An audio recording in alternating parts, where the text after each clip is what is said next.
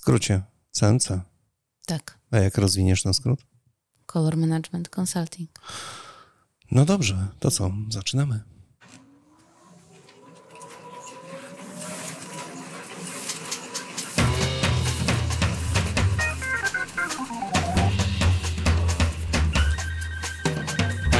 Niezbędnik poligrafa Mirosław Pawliński, a jak już zauważyliście, naszym gościem dzisiaj Małgorzata Szczotka. Dzień dobry. Witam cię serdecznie, czyli Color Management Consulting. Tak, A niektórzy mówią CMC w skrócie. ja też tak Albo mówię. CM Consulting. Nazwa jest zdecydowanie za długa. No to z tą nazwą to bym tam wiesz, to nie jest istotne. Ja myślę, że ten, ta krótsza nazwa jest dużo lepsza, wykorzystująca to twoje nazwisko, czyli Małgorzata Szczotka. Jak ktoś mówi w poligrafii color management i, i Szczotka, to wszyscy dokładnie mają jedno skojarzenie z tobą. Możliwe. To dzisiaj sobie porozmawiamy o standaryzacji, optymalizacji, color managemencie i kilku innych jeszcze tematach, które mogą zaskoczyć Państwa, ale w odniesieniu do grupy całej naszych flexografów, czyli Flexo. Bardzo dobrze. Świetnie.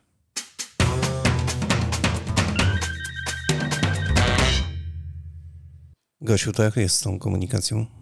Proszę cię. Przychodzisz do drukarni tylko dlatego, że cię drukarnia wzywa, potrzebuje, dzwoni do ciebie? Panika na produkcji? Absolutnie nie. Większość klientów spotykamy przy innych okazjach. Spotykamy się z nimi i rozmawiamy o tym, co byłoby do zrobienia. Zwykle odbywa się to e, w formie spotkania po audycie ich firmy, gdy już wiemy, na czym polega ich produkcja, jak ona wygląda. Trudno jest taki audyt zrealizować? Nie. Audyt nie jest trudno zrealizować. Trudno jest rozmawiać i komunikować się z klientem na podsumowaniu tego audytu. Oj, to musi być zabawne. To Wiesz, bo ja, ja sobie wyobrażam, zależy, że wtedy... Masz wtedy osobę po drugiej tak, stronie. bo ja sobie tak. wyobrażam, że pokazujesz mu na tym dokumencie po, po audycie temu klientowi e, rzeczy, których on w ogóle wcześniej nie widział, nie miał bladego pojęcia, że w ogóle takie rzeczy są. Bardzo często tak jest. No, Bardzo często tak jest, tak, masz rację. Nie można coś usprawnić? Oczywiście zawsze można coś usprawnić, natomiast ten dokument i ten audyt, y, który pokazuje, gdzie są dziury, w których można przeprowadzić kontrolę, wdrożyć pewne usprawnienia, standaryzację, a w przyszłości zoptymalizować proces, jest czymś, co nie jest miłe do odbioru dla takiego właściciela drukarni. Tutaj ta komunikacja jest szalenie istotna. Bo miej na uwadze, że często spotykasz ludzi, którzy od wielu lat prowadzą, od lat 80., 90. biznes, mają olbrzymie doświadczenie Od strony od biznesowej strony oczywiście. biznesowej, zarabiają przyzwoite pieniądze na tym No hola, biznesie. hola, jak, jak tyle lat prowadzą to i, i zarabiają i w ogóle wszystko funkcjonuje, no to szapoba. Oczywiście. Czapka z tak. głów, no przecież tutaj nie da się tego... Absolutnie jest inaczej. tam aspekt, który dla mnie jest motywujący. Są to rzeczy, których ja totalnie nie potrafię. Nie potrafię się do nich również odnieść. E, A my robimy jakiś wycinek, który ma usprawnić e, pracę ich firm i przyczynić się do tego, żeby one działały w sposób wydajny, żeby zużywali mniej makulatury, krótszy czas setupu, wdrożyć pewne standardy.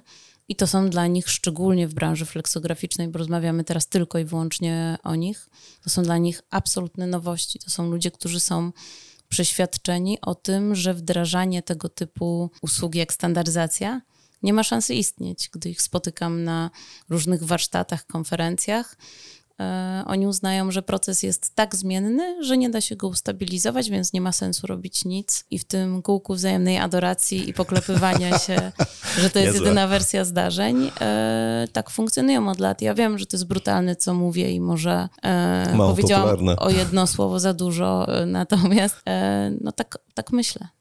Wiesz co, wydaje mi się, że nie powiedziałaś wcale jedno słowo za dużo, zwłaszcza, że mieliśmy teraz bardzo cudownych gości niedawno tutaj w naszym studio i oni dokładnie powiedzieli to samo na temat Flexo, że to jest absolutnie technologia nieustabilizowana. Tu jest tak dużo zmiennych, że tego się nie da wystandaryzować, więc ja Więc się uśmiechałem. Od... Tak, więc ja się uśmiechałem od ucha do ucha. Nie, nie, nie. oni właśnie próbują. Okej. Oni szukają sposobu na to, żeby tą standaryzację jakoś prowadzić, ale twierdzą, że jest bardzo, bardzo ciężko, zwłaszcza, że jakby to powiedzieć delikatnie, jest taki de- delikatny dysonans między tym, y, gdzie jesteśmy, jeżeli chodzi o branżę fleksograficzną w Europie chociażby, a jesteśmy numerem jeden, bezapelacyjnie, w stosunku do tego, jak to jest wszystko przygotowane mm, versus Europa Zachodnia.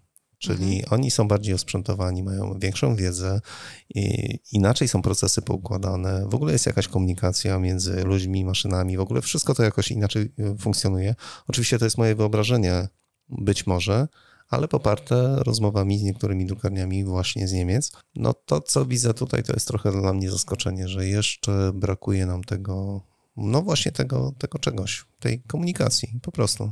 Zdecydowanie nam brakuje tej komunikacji. Wiesz, ja bym tych wszystkich klientów podzieliła na taką standardową grupę 5, 15, 80. Mamy 5% drukarni, które są prowadzone przez mega prężne osoby, wiedzą czego oczekują, wiedzą, że muszą produkować w sposób wydajny, że nie mogą zużywać makulatury, że muszą drukować powtarzalnie, że mamy na rynku narzędzia do tego, żeby digitalizować wzorce kolorystyczne, wdrażać standaryzację, procedury operacyjne, które możemy wdrażać, żeby cała ta komunikacja między poszczególnymi działami funkcjonowała. Ale w ogóle procedury, procesy, tak. czyli ułożyć kilka różnych tematów, które ze sobą mają współgrać. Absolutnie tak. Przede wszystkim problemem no, wróćmy do tego 5% i to 5% na rynku pracuje w sposób wydajny, opłacalny. Gdy u nich y, obliczysz na maszynie, ile makulatury, ile rozjazdowego surowca możesz zaoszczędzić i wyliczasz, że w skali roku wyliczają, y, wyrzucają do śmietnika między półtora a dwa miliony. Gigantyczne bo pieniądze. możesz im skrócić rozjazd o 75 metrów, mnożąc 100 razy cenę za metr bieżący tego podłoża, ilość roboczych dni w roku i ilość prac, które wykonują na zmianę. Takie cyfry wychodzą nam e, podczas audytu. I na koniec, spotykając się z tymi klientami, zadajesz im pytanie, to jak się z tym czujesz, że wyrzucasz w tym momencie do kubła to półtora miliona z jednej maszyny, a masz przykładowo cztery maszyny, czyli łatwo jest to pomnożyć. I jaką odpowiedź słyszysz? A oni są przekonani, że tak musi być, bo to jest kwestia tego, że ludzie nie są w stanie lepiej pracować, a ja im odpowiadam, ale ty masz świetnych ludzi w poszczególnych działach. Oni są zaangażowani. Ja naprawdę mam bardzo pozytywną opinię o ludziach, których spotykam w polskich drukarniach. Podstawowy problem polega na tym, że poszczególne działy ze sobą nie współpracują. To jest takie fajne, nie? Nie ma, nie, są... nie, ma, nie ma przepływu komunikacji. Tak, zupełnie. Te działy są w, w, samym wydaniu swoich działów, w doposażeniu świetnie wyposażone w cały sprzęt i oprogramowanie. Natomiast przykładowo mieszalnia farb nie wysyła cyfrowych wzorców kolorystycznych na maszynę, i operator drukuje kolor, nie ma to, pojęcia to, o tym, to, jak on to, chodzi. To, poczekaj, zanim przejdziemy do tego tematu nie, cudownego w ogóle wręcz, nie w ogóle rewelacyjny. Nie, nie, no, trochę, trochę trzeba, poczekaj. Ogólnie porozmawiajmy, nie po, pozwól mi na po, po, Poczekaj. Dobrze, ale e, wiesz co, mam takiego kolegę wspaniałego w ogóle, który mhm. zajmuje się trochę takimi audytami właśnie w drukarniach, no, mhm. tylko tyle, że w innym typie drukarni, czyli offsetowych. Może to akurat nie dla Państwa, którzy nas słuchają i z tematu flexografii, ale robi takie audyty w ogóle rewelacyjnie i nagle okazuje się, że robi jeden audyt, drugi, trzeci, pokazuje na cyfrach rzeczywiście potężne kwoty, które można zaoszczędzić i nagle się okazuje, że zapada cisza po drugiej stronie. Znaczy, y, on pyta właściciela drukarni, czy, czy zarząd, kochani, co z tym fantem robimy? No i jest cisza. I pyta za trzy miesiące i jest cisza. Ja nie mam takiego problemu. I mówi, to jest, to jest mówi, niesamowite. On pokazuje, no kochani, możecie zaoszczędzić powiedzmy rocznie 5 milionów złotych. Mhm. No i cisza. I mówi, Mirek, co mam z tym fantem zrobić? Nie masz takich klientów? Nie, ja nie mam ciszy. Znaczy, cisza może trwa kilka sekund, natomiast pierwsze, co jest, to jest odbicie piłeczki. Nie wierzę, że to zrobicie. Ja mówię, dobra, to wpisujemy umowę współpracy i dopinamy. Jesteśmy w stanie to zrobić przez pół roku, rok, półtora, w zależności od tego, jakie zaszłości są w drukarni, bo wiesz, nie można w drukarni zrobić rewolucji, trzeba zrobić zmiany drogą ewolucji, żeby one miały sens. E, odciąć stare produkcje czerwoną kreską, ale dalej móc je drukować powtarzalnie, a nowe drukować w pewnej zgodności, zgodnie ze standardami, zmniejszać ilość makulatury, wdrażać usprawnienia. Więc e, my to po prostu wpisujemy w umowę, realizujemy i względem tych cyfr jesteśmy rozliczani, więc ja nie mam tego problemu. Naszym gościem Małgorzata Szczotka, Color Management Consulting.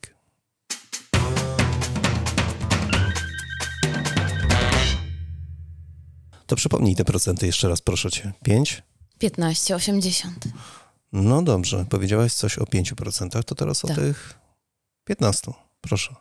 15 to kolejna grupa, dla których kierujemy nasze usługi, czyli ci, którzy radzą sobie całkiem nieźle ale są nie do końca poukładani. Są już istotnymi drukarniami na rynku małymi, dużymi, bo to z mojego punktu widzenia nie ma znaczenia. I oni dalej będą funkcjonować, bo są świadomi procesów i tego, jak to powinno wyglądać. Zatem dla tych 5 i 15 my jesteśmy. Jest jeszcze to 80%.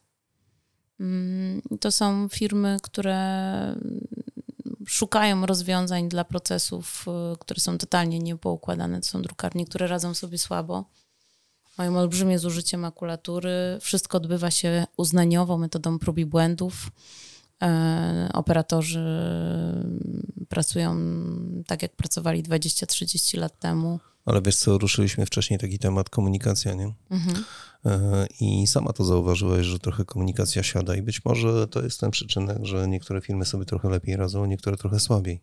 Bo z tego, co my obserwujemy, to Wiesz co, też moglibyśmy to podzielić tak, komunikacja między ludźmi w firmie, mhm. między ludźmi a maszyną, między maszyną a maszyną tak. i maszyną i człowiekiem. Czyli komunikacja mechaniczna i personalna, bo to 80% y, w mojej ocenie, znowu ostre słowa, będzie zawsze w trybie bezradności.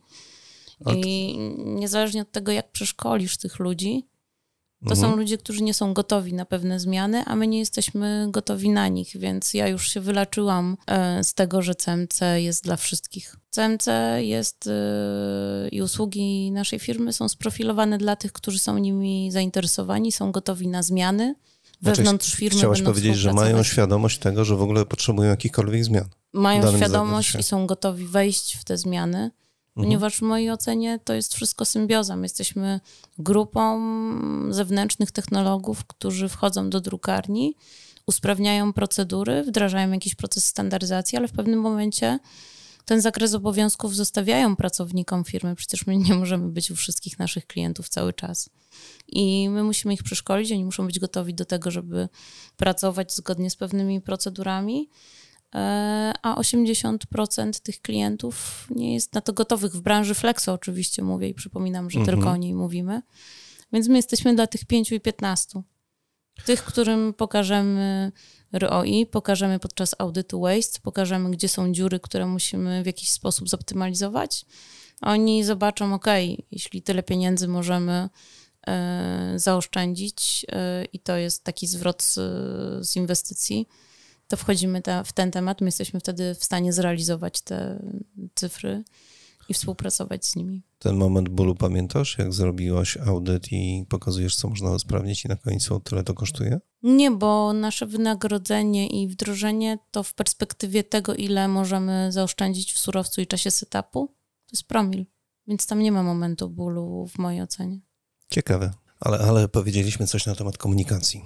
Mhm. I przytoczyłaś taki przykład, hmm, no właśnie, kuchni farbowej, która nie jest e, skomunikowana z maszynami. Tak. Tak może być? Tak jest w większości firm, które spotykamy podczas audytu. To jest niesamowite, nie? To jest niesamowite, ponieważ e, dostawcy oprogramowania e, w tym momencie do mieszalni farb dają mu możliwość do budowania do niego odnogi w postaci softu, który stawiasz przy maszynie flexograficznej, która, na której pomiar inline no jest możliwy, ale tylko w teorii jest niestosowany powszechnie. Natomiast musisz mierzyć mimo wszystko użytki offline'owo, czyli ręcznym spektrofotometrem. Natomiast stawiając takie oprogramowanie, masz od razu informację w karcie druku, jakiego walca rastrowego ma użyć operator, bo wtedy uzyska niską deltę E dla tej farby, która została przygotowana. Masz wszystkie informacje o tym, jakich komponentów użyć. Jeśli dobrze zoptymalizujesz ten proces, to operator metodą prób i błędów nie dobiera sobie spółki komponentów czy walców, tylko zakłada, drukuje w odpowiedniej kolejności. W 85-90% tą procedurą, tą tymi usprawnieniami wydrukuje odbitkę, która jest zgodna ze standardami międzynarodowymi przemysłowymi, a mierząc ją dodatkowo przy maszynie, otrzymuje potwierdzenie cyfrowe zgodności optycznej tej odbitki do prufa.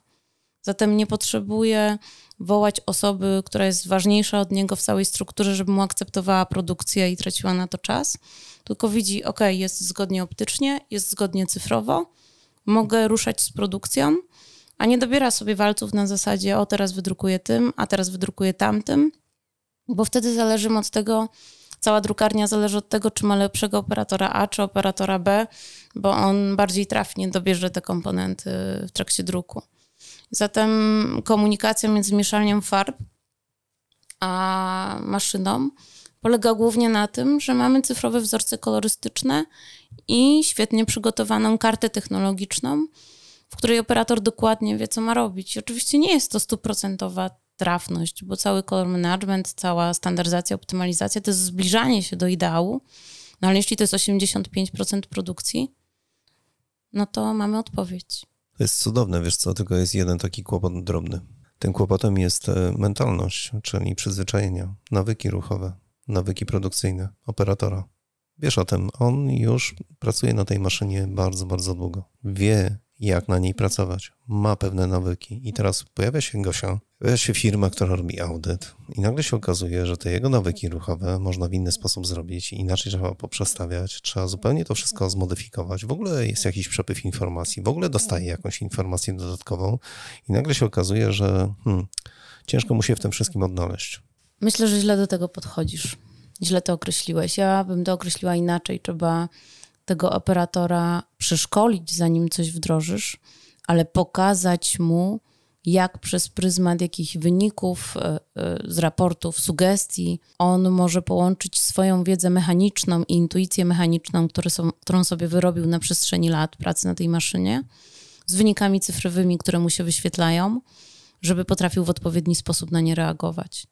Żeby nie męczyć go suchą wiedzą naukową o kolor managemencie i widmach reemisji, czy jakichś bardziej zaawansowanych metodach pomiaru delty, tylko powiedzieć mi, mu zobacz, jak masz na zielono i nie ma żadnych sugestii, to jest ok, a jak masz na czerwono i ci sugeruje, żebyś zrobił taki ruch, no to, to, go zrób. to go zrób i sprawdź, czy on działa. I on w tym momencie zaczyna łączyć y, swoje doświadczenie z wielu lat z tym, co mu się wyświetla i to daje najlepszy efekt. Więc absolutnie nie można dyskredytować tego, co operator sobie wyrobił, bo ta jego intuicja mechaniczna jest y, niejednokrotnie tak samo dobra jak naszego najlepszego serwisanta, który przez wiele lat był y, drukarzem fleksograficznym y, i pracował przy maszynie, więc ją trzeba docenić i tylko rozbudować o to. Tu nie chodzi o ewolucję.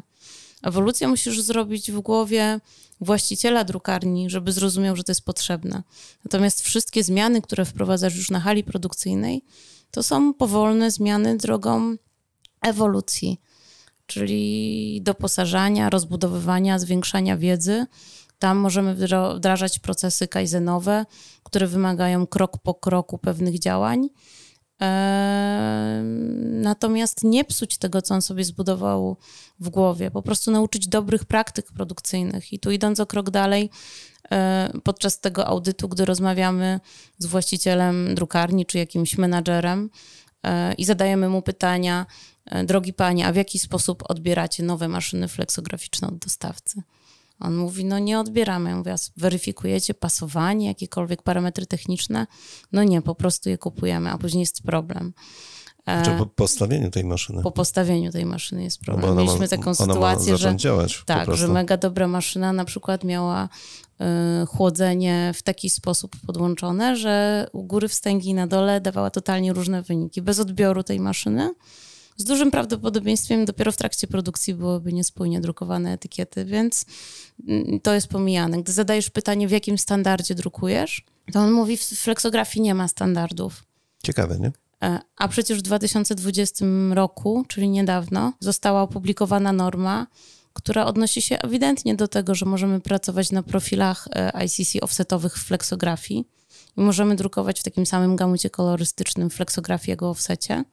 I najwięksi, największe drukarnie, z którymi współpracujemy, które mają po 16, 20 maszyn, pracują w tym standardzie, bo właściciel dużej marki, zamawiając opakowanie jednostkowe w offsecie, chce mieć etykietę, która jest spójna kolorystycznie, drukowaną w flexografii i ten sam gamut kolorystyczny jest tym, czego oczekuje. On nie oczekuje indywidualnego standardu drukarni X czy Y, e, z którą zaczął współpracować, która uważa, że jest najlepsza na świecie.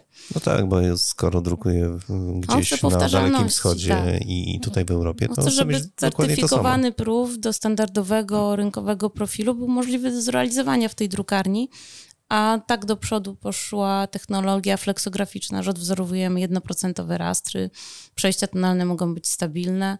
Możemy rozbudować standaryzację o metodę G7, która jest dużo bardziej szczegółową e, metodą standaryzacji, bazującą na balansie szarości i daje dobre efekty zgodności optycznej z proofem, co w fleksografii bardzo się sprawdza. E, więc to wszystko jest możliwe, gdy zadasz jeszcze jedno pytanie w tej drukarni. Dobrze, mamy mm, fizyczne wzorce kolorystyczne, czyli etykiety powklejane w jakiś zeszyt albo w jakichś koszulkach gdzieś tam w klaserach poustawiane. A czy masz cyfrowe wzorce kolorystyczne tych etykiet? On często ich nie ma. On robiąc wznowienie, wyjmuje tą etykietę, mierzy ją na zasadzie wzorzec próbka, a nie ma cyfrowego wzorca kolorystycznego e, barw spotowych, których użył e, w tym projekcie. Więc w momencie, w którym miałam jednego takiego klienta, któremu spłonął, spłonął pokój, w którym trzymał te wzorce kolorystyczne, on bez tej cyfrowej bazy danych był w bardzo trudnym miejscu prowadzenia swojej firmy i dlatego zdecydował się na wdrożenie, na digitalizację wzorców kolorystycznych, która zapewnia sprawną komunikację na wszystkich etapach produkcji. No i proszę, proszę, zobaczcie Państwo, jak płynnie przeszliśmy z komunikacji do edukacji, a teraz poruszyliśmy jeszcze jeden ciekawy temat, ale za moment do niego wrócimy.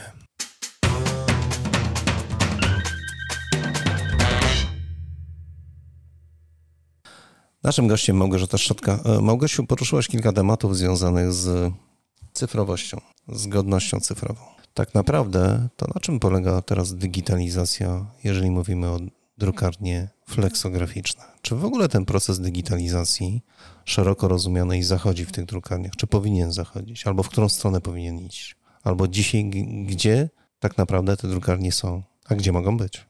Ja nie wiem, gdzie są wszystkie drukarnie. Mogę ocenić tylko naszych klientów i to 5-15%, do których chcemy trafić, gdzie przeprowadzamy audyty. Myślę, że taką digitalizację i zgodność cyfrową należy podzielić na zgodność dla druku triadowego i dla druku spotowego, które często się miksują w obrębie jednego zlecenia. Zwłaszcza we Flexo. Zwłaszcza we Flexo, tak. E, więc ta triadowa jest mega ogarnięta, łatwo ją wyegzekwować, łatwo weryfikować. Natomiast y, szczególnie istotna jest digitalizacja barw spotowych i z biblioteki Pantone, i spoza biblioteki Pantone, indywidualnych barw spotowych, gdzie bardzo często na maszynach druk barw spotowych odbywa się metodą prób i błędów. E, wzorce kolorystyczne e, są e, fizyczne, tak jak wspomniałam, a farby, które są przygotowywane do druku w mieszalni farb, nie są weryfikowane zanim trafią na maszynę. Czyli nie wiemy, czy farba przygotowana zgodnie z jakąś recepturą da nam odpowiednią zgodność kolorystyczną mierzoną przykładowo w parametrze ΔE. Ale ta zgodność cyfrowa może nam w tym pomóc. Jeżeli, jeżeli to cyfrowa, wprowadzimy do tej tak. biblioteki, jeżeli sobie zapiszemy tak. i mamy to po prostu potwierdzone, że tak, mamy tą tak, barwę. Tak. Wyobraź sobie taki stricte idealny przepływ informacji o obrazie od momentu przygotowania farby w mieszalni farb. E, przygotowujesz sobie barwę spotową, na przykład dodatkową, na bazie jakiegoś fizycznego wzorca kolorystycznego, etykiety, którą dostajesz od konkurencji, czy e, wykonujesz. Jeśli to jest kolor spoza biblioteki Pantone, weryfikujesz tą barwę w mieszalni farb używasz urządzenia, które symuluje ci nadruk odpowiedniej liniatury i pojemności wałka rastrowego Anilox. Dzięki temu tworzysz kartę technologiczną, którą dajesz operatorowi cyfrowo lub papierowo, to już zależy od drukarni, w której on dostaje dokładnie zmaczowaną puszkę farby z liniaturą, pojemnością i numerem wałka rastrowego Anilox, którego ma użyć z hali druku zakłada ten wałek w odpowiedniej kolejności na maszynie, bo również kolejność druku ma zdefiniowaną, drukuje. Oczywiście tych farb jest więcej niż jedna w przypadku typowej produkcji fleksograficznej. I obok maszyny fleksograficznej wąsko lub szerokowstęgowej yy, ma komputer, na którym ma odnogę tego oprogramowania, żeby już nie sugerować żadnych nazw, w którym ten wzorzec cyfrowy kolorystyczny, który wykonaliśmy w mieszalni farb, jest cyfrowo zapisany i on wykonując pomiar na paserach, gdzie ma kostki pomiarowe, z sześciu kolorów zawartych w pracy, tej, na, bezpośrednio na produkcji. na produkcji, otrzymuje informację, dobra, kolor jeden ma, jest w granicy tolerancji, dwa jest w granicy tolerancji, trzy nie jest w granicy tolerancji, zmień delikatnie gęstość lub wałek rastrowy, żeby go dopasować, bo idealnie się nie zmaczowaliśmy. I dalej również barwy triadowe cmyk są w granicy tolerancji, bo mamy je ustandaryzowane, mają dobre przyrosty punktów i są zgodne. I ten operator widzi to i widzi cyfrowo, co ma zrobić z tym jednym agregatem, żeby wydrukować tą pracę w pełnej zgodności, robi tą jedną zmianę, rusza produkcję, zaczyna. To w taki sposób zmniejszamy ilość makulatury w technologii e, fleksograficznej, zabierając drukarzowi tą możliwość bycia magikiem w dobieraniu sobie tych wszystkich komponentów walców. I teraz, jaką wartość dodaną to wnosi drukarni? Taką, że ma potwierdzenie cyfrowe zgodności optycznej, bo jedno to jest zgodność z proofem, a drugą taką, że ma raport z pełnej produkcji. On jest w stanie zmierzyć y, na zakończeniu każdej rolki ten użytek i powiedzieć w całym nakładzie, który wydrukowałem, wykonałem sześć pomiarów i one wszystkie są zgodne. Czyli mamy pewność, że nigdy klient nie zareklamuje nam części produkcji, bo widzimy, że w całym nakładzie wykonaliśmy ją dobrze. Pamiętaj proszę, że coraz częściej pojawiają się nieuczciwi klienci, którzy reklamują dla zasady, tylko po to, żeby znegocjować cenę. No i jeżeli nie mamy tego zapisanego odpowiednio w umowie i nie, nie mamy, mamy po, pewności. i nie mamy tak. podanych tych wartości, na przykład delta E, tak. wszelkich odchyłek i tak dalej, i tak dalej, no to wtedy pojawia się Tak. rzeczywiście kłopot i można rzeczywiście później popatrzeć, że to kosztowo wygląda masakrycznie. I ja nie mówię o rewolucji, że zapominamy o fizycznych wzorcach kolorystycznych, bo dalej je archiwizujemy, ale mamy potwierdzenie cyfrowe tego, co mamy zarchiwizowane. Przez co jesteśmy bezpieczni w sytuacji, gdy te e, wzorce się zdezaktualizują ze względu na czas, na utlenienie podłoża, niezależnie czy to jest folia, papier, czy cokolwiek innego.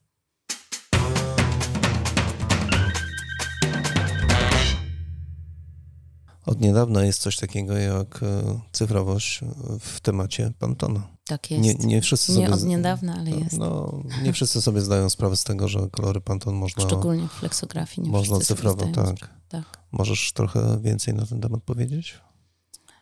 Gdy nastąpiła e, fuzja i firma Pantone została wchłonięta przez e, X-Rite'a, X-Rite znalazł metodę na niezgodność pomiędzy papierowymi wzornikami kolorystycznymi e, drukowanymi z roku na rok. I e, tą metodą była digitalizacja wzorców kolorystycznych. Ale poczekaj, powiedziałeś drukowanymi z roku na rok. A przypomnijmy, że niektóre drukarnie używają tych tradycyjnych wzorników przez 5-6 lat. To my już ich nie spotykamy. No dobrze, to bardzo się z tego cieszę. Tak, na pewno tak jest, e, ale uznajmy, że tego nie ma, bo to już tak bardzo nie chcemy ruszać wstecz. E, Dobrze. Natomiast. e, Możliwości dzisiaj. Tak, możliwości są takie, że cała biblioteka barw spotowych została w pewnym momencie zdigitalizowana. Papierowe wzorce kolorystyczne, te pantoniarki nazywane potocznie, na pierwszej stronie, co prawda po angielsku, ale jest tam napisane, że one służą do poglądowego doboru koloru, a nie są wzorcem kolorystycznym. One są drukowane suchym offsetem, więc absolutnie nie nadają się do tego, żeby na bazie takiej pantoniarki papierowej porównywać wzorzec z próbką, którą wydrukujemy na maszynie, czy wzorzec, ten, Fleksograficznej. nie daj Boże, fleksograficznej, tak, e, albo z czymkolwiek pomiarowo to po- porównywać. Zatem odpowiedzią na te niezgodności w papierowych wzornikach kolorystycznych, które rzeczywiście mają niejednokrotnie bardzo duże delty, najle- największą, jaką u mnie w biurze znalazłam między wzornikiem dla jednego koloru, to była delta 8,5 chyba. Wow. 2000 oczywiście, tak. E, I e, mamy cyfrowe wzorce kolorystyczne, które są zapisane raz przy jednej, jednej edycji wzornika. Gdy pojawiają się kolejne, to dodawane są dodatkowe barwy, natomiast te kolory, które były w poprzedniej edycji, są niezmienne cyfrowo. One zapisane są w sposób cyfrowy w postaci plików CXF, które są formatem zapisu informacji o barwie, który zawiera i widmo reemisji, i dane LAB. Można z tego również wywnioskować, jaka jest gęstość czy filtr użyty do pomiaru tej barwy spotowej. I to są te cyfrowe wzorce, które musimy i wygenerować sobie na bazie indywidualnych barw spotowych, których używamy w drukarni i używać w momencie, gdy pracujemy na kolorach z biblioteki Pantone. A po co? Po to, żeby klientom zapewnić powtarzalność Zwłaszcza teraz, kiedy jest walka o klienta, tak. E, który może produkować na tak. przykład część e, w Polsce, Absolutnie część w Czechach, tak. część w Szwajcarii, gdziekolwiek. Pamiętaj, że ta cała standaryzacja, optymalizacja, nie robimy jej po to, żeby być zgodni z jakimiś normami, o których często klienci Flexo nie dbają, ale robimy ją głównie po to, żeby naszym klientom w drukarni zapewnić powtarzalność produkcji. Bo jakby my wiemy cyfrowo, że byliśmy w styczniu w tym miejscu i mieliśmy takie dane spektralne, to w czerwcu chcemy być w tym samym miejscu i mieć takie same dane spektralne. E, jeśli pracujemy na wzornikach papierowych, które zmieniają się z roku na rok, to możemy Pantone 485, najbardziej popularny, odwzorować w różnych deltach w braku zgodności i klient powie, ale to nie jest powtarzalne, ja tego nie będę kupował i ma w 100% rację. Więc nie robimy tego dla zgodności tylko i wyłącznie, ale głównie dla powtarzalności, którą da się zmonetyzować. Ale jest jeszcze jeden temat, o którym powinniśmy powiedzieć. To, że one są dostępne cyfrowo, to oznacza, że te zabawki, które posiadamy na produkcji, czyli spektrofotometry, densitometry, tak. one mogą być aktualizowane i mogą to wszystko wykorzystywać. Po prostu, tylko trzeba o to wszystko zadbać. To się samo nie zrobi, jeżeli o to nie zadbamy. To się samo nie zrobi, jeśli o to nie zadbamy. Do tego nie tylko są spektrofotometry, ale również oprogramowanie, gdzie my możemy mieć cyfrowe wzorce kolorystyczne i dla indywidualnych barw, których używamy w drukarni, i dla bibliotek Pantone to nie jest podbój kosmosu, to, jest, to nie jest też jakaś nowinka, to jest coś, co już działa. W color managementie często niektóre ruchy są takie testowe. To nie jest żaden testowy ruch, to jest ruch, który działa od lat. E, I do tych cyfrowych wzorców się odnosimy, dzięki czemu jesteśmy w stanie reprodukować wszystko zgodnie i powtarzalnie.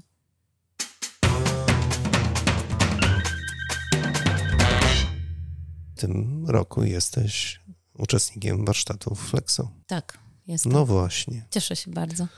I zobacz, i tam przy stole siedzą drukarnie, które konkurują na co dzień ze sobą, e, walczą o klientów, a tutaj siadają do jednego stołu, rozmawiają ze sobą, wymieniają doświadczenia. Ciekawe, nie?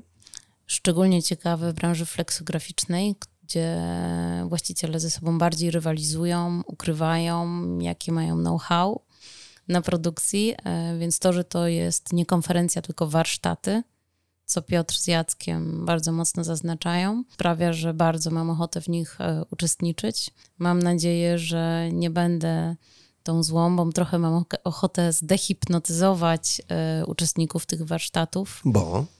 I zmienić tą ich metodę myślenia i poklepywanie się po ramieniu, że czegoś się nie da zrobić, bo to nie działa i na bazie jakichś case study popowiadać o tym, co osiągnęliśmy, jakie wyniki osiągnęliśmy. I że to jest w ogóle możliwe. I że to jest możliwe i że te pieniądze, które wyrzucają w kontener w tej, w tej, w tej ilości waste'u i czasu setupu, e, można przekuć na coś fajnego, albo na przykład wykorzystać maksymalnie możliwości maszyny, która niezoptymalizowana, nieustandaryzowana w całym procesie, daje duże przestoje i często nie wykorzystujemy na maksa możliwości swojej firmy kupujemy kolejną maszynę, a moglibyśmy zaoszczędzić czas na tej poprzedniej, którą już mamy e, i drukować większy wolumen i być bardziej rentowni.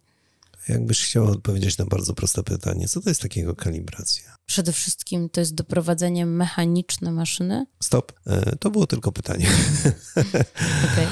Odpowiedź na, na, na warsztatach, dobrze?